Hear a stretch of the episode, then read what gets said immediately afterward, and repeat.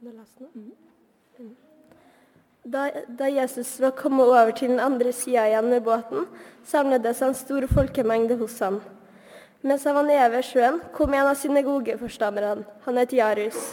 Da han fikk se Jesus, kasta han seg ned for føttene hans og bønnfalt han. Min lille datter holder på å dø. Kom og legg hendene dine på henne, så hun kan bli frisk og få leve. Jesus gikk med han, fulgt av en stor folkemengde som trengte seg inn på han. Det var en kvinne der som hadde hatt blødninger i tolv år. Hun hadde lidd mye hos mange leger. Alt hun eide, hadde hun brukt på å bli hjulpet. Men det var heller blitt verre med henne. Hun hadde fått høre om Jesus og kom nå bakfra i folkemengden og rørte ved kappen hans, for hun tenkte om jeg så bare får røre ved klærne hans, blir jeg frisk. Med en gang stanset blødningene, og hun kjente på kroppen at hun var blitt helbredet fra plagen. I det samme merket Jesus at en kraft gikk ut fra ham, og han snudde seg i folkemengden og sa, Hvem rørte ved klærne mine? Disiplene sa, Du ser hvordan folk trenger seg inn på deg, og så spør du hvem som rørte ved deg. Men Jesus så seg omkring for å få øye på den som hadde gjort det. Kvinnen skal være redsel, for hun visste hva som hadde skjedd med henne. Hun kom og kastet seg ned for ham og fortalte ham alt som det var. Da sa han eh, til henne, Din tro er frelst deg, datter. Gå bort i fred. Du skal være frisk og kvitt plagen din. Mens han ennå talte, kom det folk fra synagogeforstanderens hus og sa, Din datter er død. Hvorfor bryr du mesteren lenger? Jesus hørte det som ble sagt, og sa til synagogeforstanderen, Frykt ikke, bare tro. Nå lot han ingen andre følge med enn Peter, Jakob og Johannes, Jakobs bror. Da de kom til synagogeforstanderens hus, og han så alt oppstyret og folk som gråt og jamret seg, så gikk han inn og sa til dem, Hvorfor støyer og gråter dere? Barnet er ikke dødt, hun sover. De bare lo av han. Men han drev alle ut og tok med seg barnets far og mor og dem som var med ham, og, og gikk inn der barnet lå. Så tok han på barnet i hånden og sa, Talita kumi. Det betyr 'lille jente'. Jeg sier deg, stå opp. Straks reiste jenta seg og gikk omkring. Hun var tolv år gammel, og de ble helt ute av seg av undring. Men han påla dem strengt at ingen måtte få vite dette, og han sa de skulle gi henne noe å spise. Da er det taletid.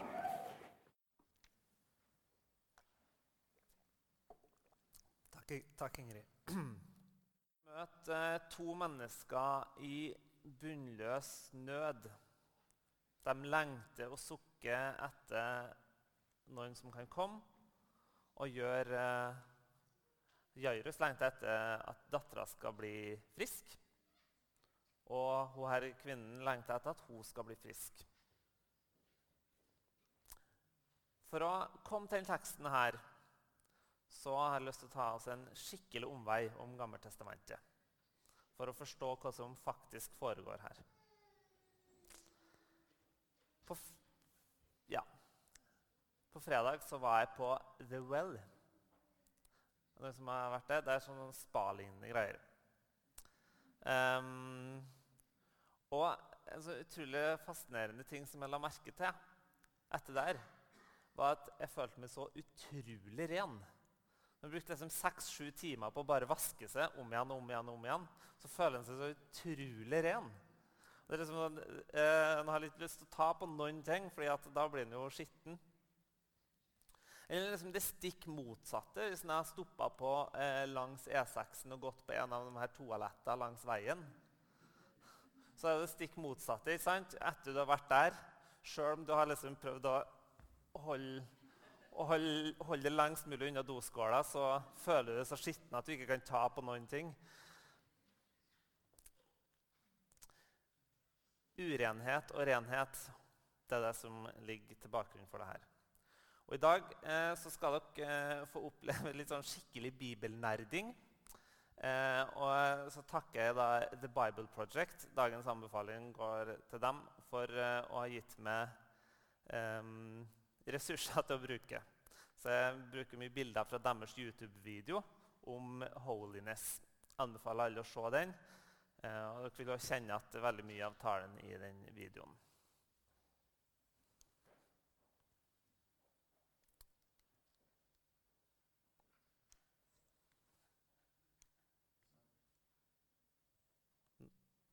Der. Da, da legger jeg fra meg den, og så følger den. Yes. Oskar skal starte 740 år før Kristus, i det året kong Usia døde. Da var Jesaja Han var kanskje prest, han var kanskje ikke det, han, men han var iallfall i tempelet i Jerusalem. Han får et syn, han får se Gud sitte på sin store trone. Det er masse sånne hellige skapninger som driver og roper, og de roper 'Hellig, hellig, hellig er Herren Sebaot'. Det er en sånn strofe som mange kanskje kjenner, og synger det noen ganger i nattværsliturgien her. De roper 'hellig, hellig, hellig'. Men, men hva betyr dette ordet her 'hellig'? I, i liksom hebraisk språk så betyr 'hellig' satt til side, eller på engelsk 'set apart'. Og Det betyr at det er noe som er annerledes, det er noe som er tilsidesatt fra oss andre. Guds hellighet kan egentlig sammenlignes med sola. Sola er det som gir oss energi. Den er så kraftig og den er så god at det er nok Selv om den er mange mange hundre millioner kilometer unna, så, så får oss liv her av den. Men likevel så er den så kraftig at hvis vi stirrer opp på den, så kan vi ødelegge øynene våre. Eller hvis vi nærmer oss for mye med et romskip, så vil det gå i oppløsning. Og Det er sånn Guds hellighet fungerer. Den er uendelig god, uendelig full av kjærlighet. Den er så full av godhet og kjærlighet at hvis vi nærmer oss den for mye, så vil den ødelegge. Og det her var, var, det den bibelske forfatterne tenkte veldig mye på i Det gamle testamentet. Fordi en tenkte at Gud, Gud er hellig, og dermed er alle områdene rundt han hellig. Og Dermed har han sånn konsentriske sirkler av hellighet, som en kaller det. At liksom, En plass var det mest hellig, for der var Guds, Gud faktisk nærværende. Så litt mindre hellig og litt mindre hellig og litt mindre hellig.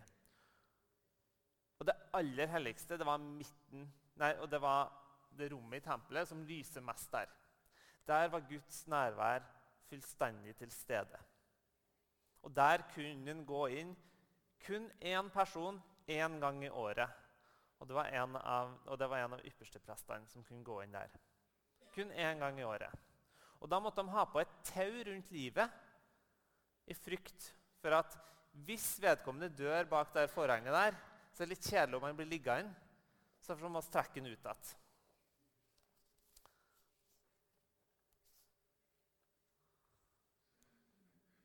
Men hvorfor var de redd for å dø? Og så går tilbake til Jesaja. Hva er det han sier?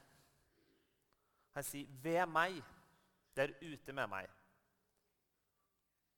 For jeg er en mann med urene lepper og bor blant et folk med urene lepper. Jesaja er redd for å dø fordi han er ikke ren, sånn som han burde være. Guds hellighet er så sterk at når den kommer i kontakt med noe som er urent, så vil den tilintetgjøre det.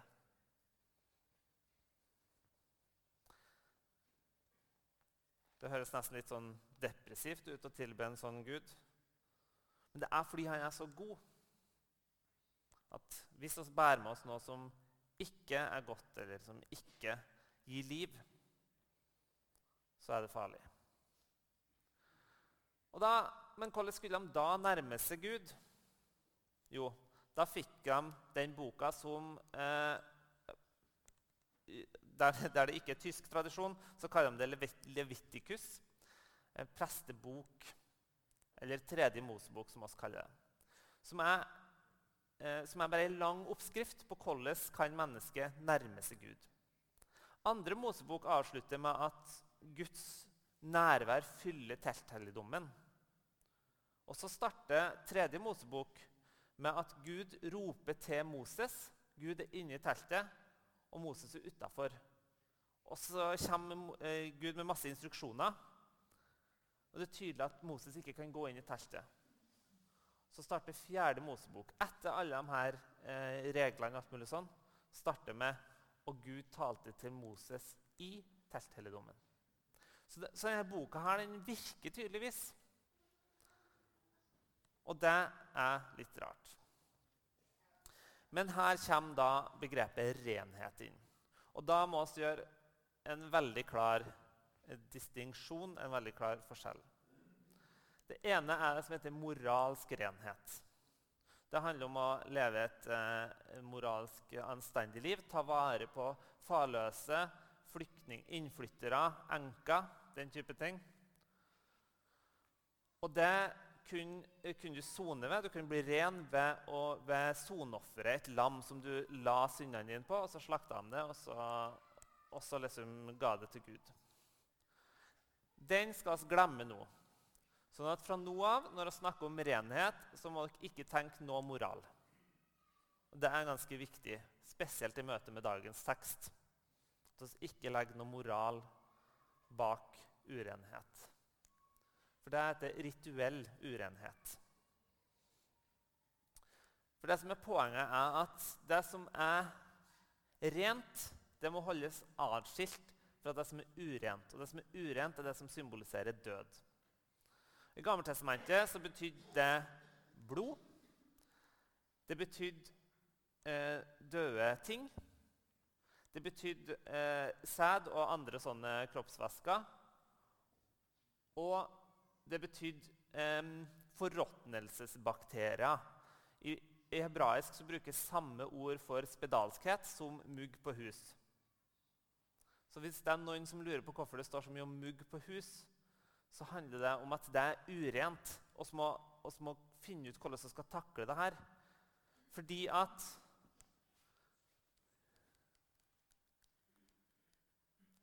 Israel skal være hellig.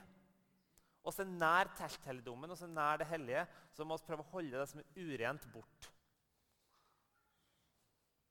Yes. En annen ting er at det urene smitter. Jeg fortalte det å gå på do, og du går på do langs E6, så føler du at du løser med uren resten av dagen. Og sånn var det. Hvis du tok på noe som var dødt, og det gjorde du innimellom Hvis du har menstruasjon, og det får halvparten regelmessig Eller hvis du har hatt sex, så var du per definisjon uren. Og det, det, er ikke noe galt med å være uren i seg sjøl, rituell urenhet, men du kan ikke nærme deg Gud. Det har ikke, ikke, noe med moral å gjøre, men det handler om liksom hva du gjør i kulten, eller altså i telthelligdommen, der Gud var. Yes. Før vi kommer fram til Jesus, så skal vi ta enda en liten omsving. Vi skal innom den katolske bibelen, eller skal innom mellomtestamentlige skrifter. Og en, tekst, og en ting som vi ikke hører så ofte om, og det er makaberopprøret. Fordi at For å forstå Jesus samtidig så må man forstå makaberopprøret. Kort sagt Israel har vært underlagt mange sterke riker i mange mange år. Og Det riket som var 165 år før Kristus, det var det helenistiske riket, grekerne. Og Grekerne de har en tanke om at hvis alle sammen bare tenker på samme måte, en sånn monokultur, så klarer vi å bygge et sterkt imperium. Og det klarte de absolutt med det her. Så helenistisk tankegods skulle kjøres ned. Men så var det da makaberene som gjorde opprør mot det her i Israel, som sørga for at Israel fikk på en måte en slags religiøs uavhengighet. Det skapte en sånn enorm vilje til å være religiøs, til å uh, prøve å være rituell ren hele tida. Sånn at fram til liksom, den tida så var Israel et ganske sånn moralsk forkastelig land. Eller det var veldig få da, som overholdt Moseloven. Men etter det makaberopprøret så begynte virkelig folk en gjennomført pietisme. Der de liksom la sjela si i det å være ren. Og ikke bare moralsk ren, men også rituell ren. Og da fikk du såkalt mikvebad. Før Jesu tid, eh, altså 200-300 år før Kristus, så var de her kun i forbindelse med tempelet. Men på Jesu tid så har de her dukka opp overalt. Og det som skjer eh, i et sånt mikvebad, er at du går ned på den ene sida, og så dykker du under. Så går du opp på andre sida, og da er du ren. Rituell ren. Veldig kort forklaring av hva som skjer, men det var ikke det. Og det her er hele bakgrunnen for dåpen, sånn som det var.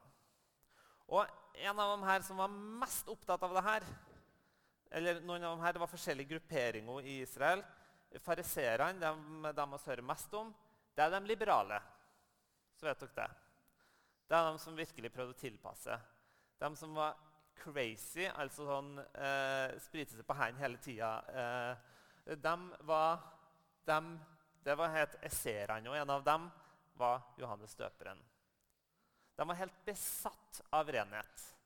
Helt besatt. De forsøkte å være ren hele tida. Det betydde ikke noe kontakt med noe som er dødt. Du kunne ikke ha sex. Du kunne ikke ha kontakt med blod. Hvis det var det, så måtte du liksom gjennom renselsesritualet mange ganger. Og du kunne iallfall ikke ha kontakt med hedninger.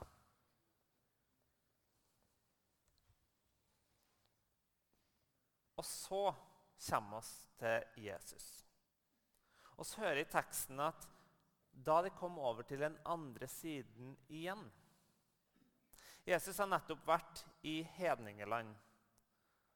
Han har, møtt, har rensa en mann for en uren ånd og sendt dem inn under griser, urene dyr, og sendt dem utfor en klippe.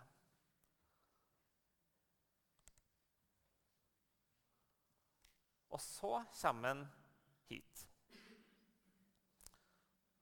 og møter to mennesker som er i bunnløs nød.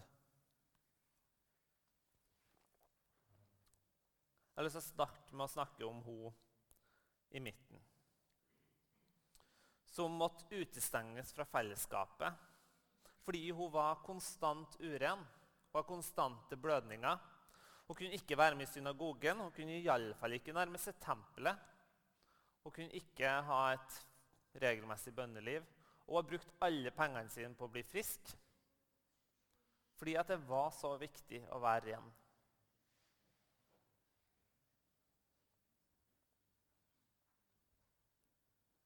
Og hun er desperat. Og hun gjør det som er utrolig uhørt. For det første hun er kvinne. For det andre hun er uren. Og for det tredje hun nærmer seg en rabbi, en stor person, og tar på kappa hans. Og så leser vi teksten at Hun blir livredd når Jesus snuser. Hun skjelver og er så redd for hva som skal, hva som skal skje nå. Hun har tatt på Gud. Han som er hellig, ukrenkelig, kilden til alt liv, står rett foran henne. Og mens i hele Det gamle testamentet så måtte de gjøre seg ren, gjøre seg så ren som mulig, sånn at de kunne nærme seg Gud så kommer hun.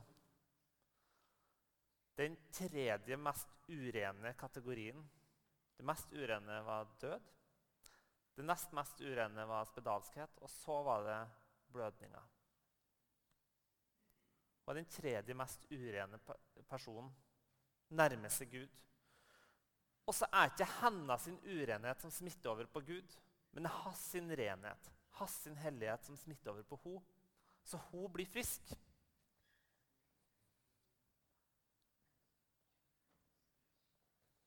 Og så skjer det samme helt i starten av Markusevangeliet. Markusevangeliet går gjennom det her mange ganger. Da Jesus forså en som er spedalsk, så står det Jesus fikk inderlig medfølelse. Ordet 'inderlig' det handler om det, det, det ordet det betyr innvoller. Innvollene rykker seg. Og han rakk ut hånden og rører ved han som ingen skal røre ved.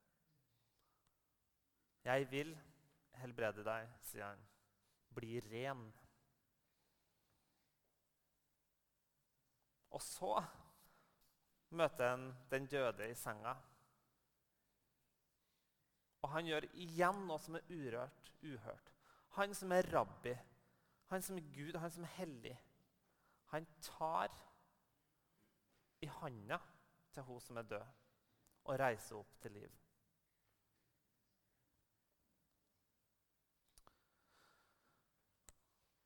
Og så kommer vi til oss. Hva har her med oss å gjøre? Jo, når oss har blitt berørt av Kristus, av Gud, så er oss blitt hellige. Og så blitt bærere av en livgivende hellighet som ikke kan tas fra oss. Og så har blitt døpt med den samme dåpen som Jesus. Og så har gått ned i badet og blitt ren. Ikke bare for neste gang eh, Ikke bare fram til neste gang vi får et lite skrubbsår, men for alltid. For Jesus har han vist at med å komme med sin hellighet så smitter en mye mer enn all urenhet. Han skjønte at mennesker kan ikke nærme seg Gud, så da måtte Gud komme til oss. Og så er spørsmålet Hva gjør oss som er bærere av den helligheten? Er oss krefter som skaper liv, som setter mennesker i frihet, som inkluderer folk i fellesskapet, som lukker opp dørene til folk i nød, til folk som ønsker å komme nærmere Gud? Eller kan vi noen gang bli opptatt, så opptatt av vår egen renhet?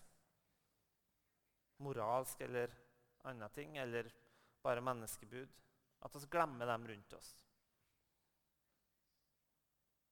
I dag har vi vigsla diakoner til tjeneste for Gud.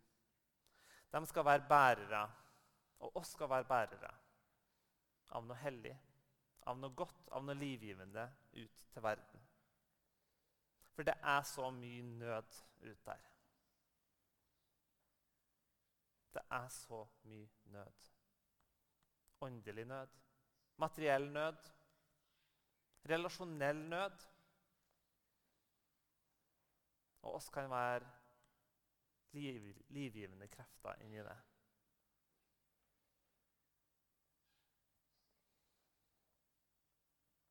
Også døpt med den samme dåpen som Gud. Gud sjøl, i Jesus Kristus. Også har blitt hellig i dåpen. Nå etterpå så vil Astrid og lille Mari stå attmed døpefonten for dere som ønsker å minne dere sjøl på dåpen, og at oss har blitt hellige og ren. At oss er Kristi etterfølgere. At oss er bærere av noe godt og livgivende til dem rundt oss.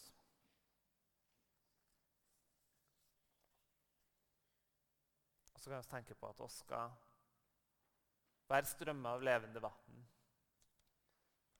som reiser folk opp. Både dem i fellesskapet her og nå dem utenfor.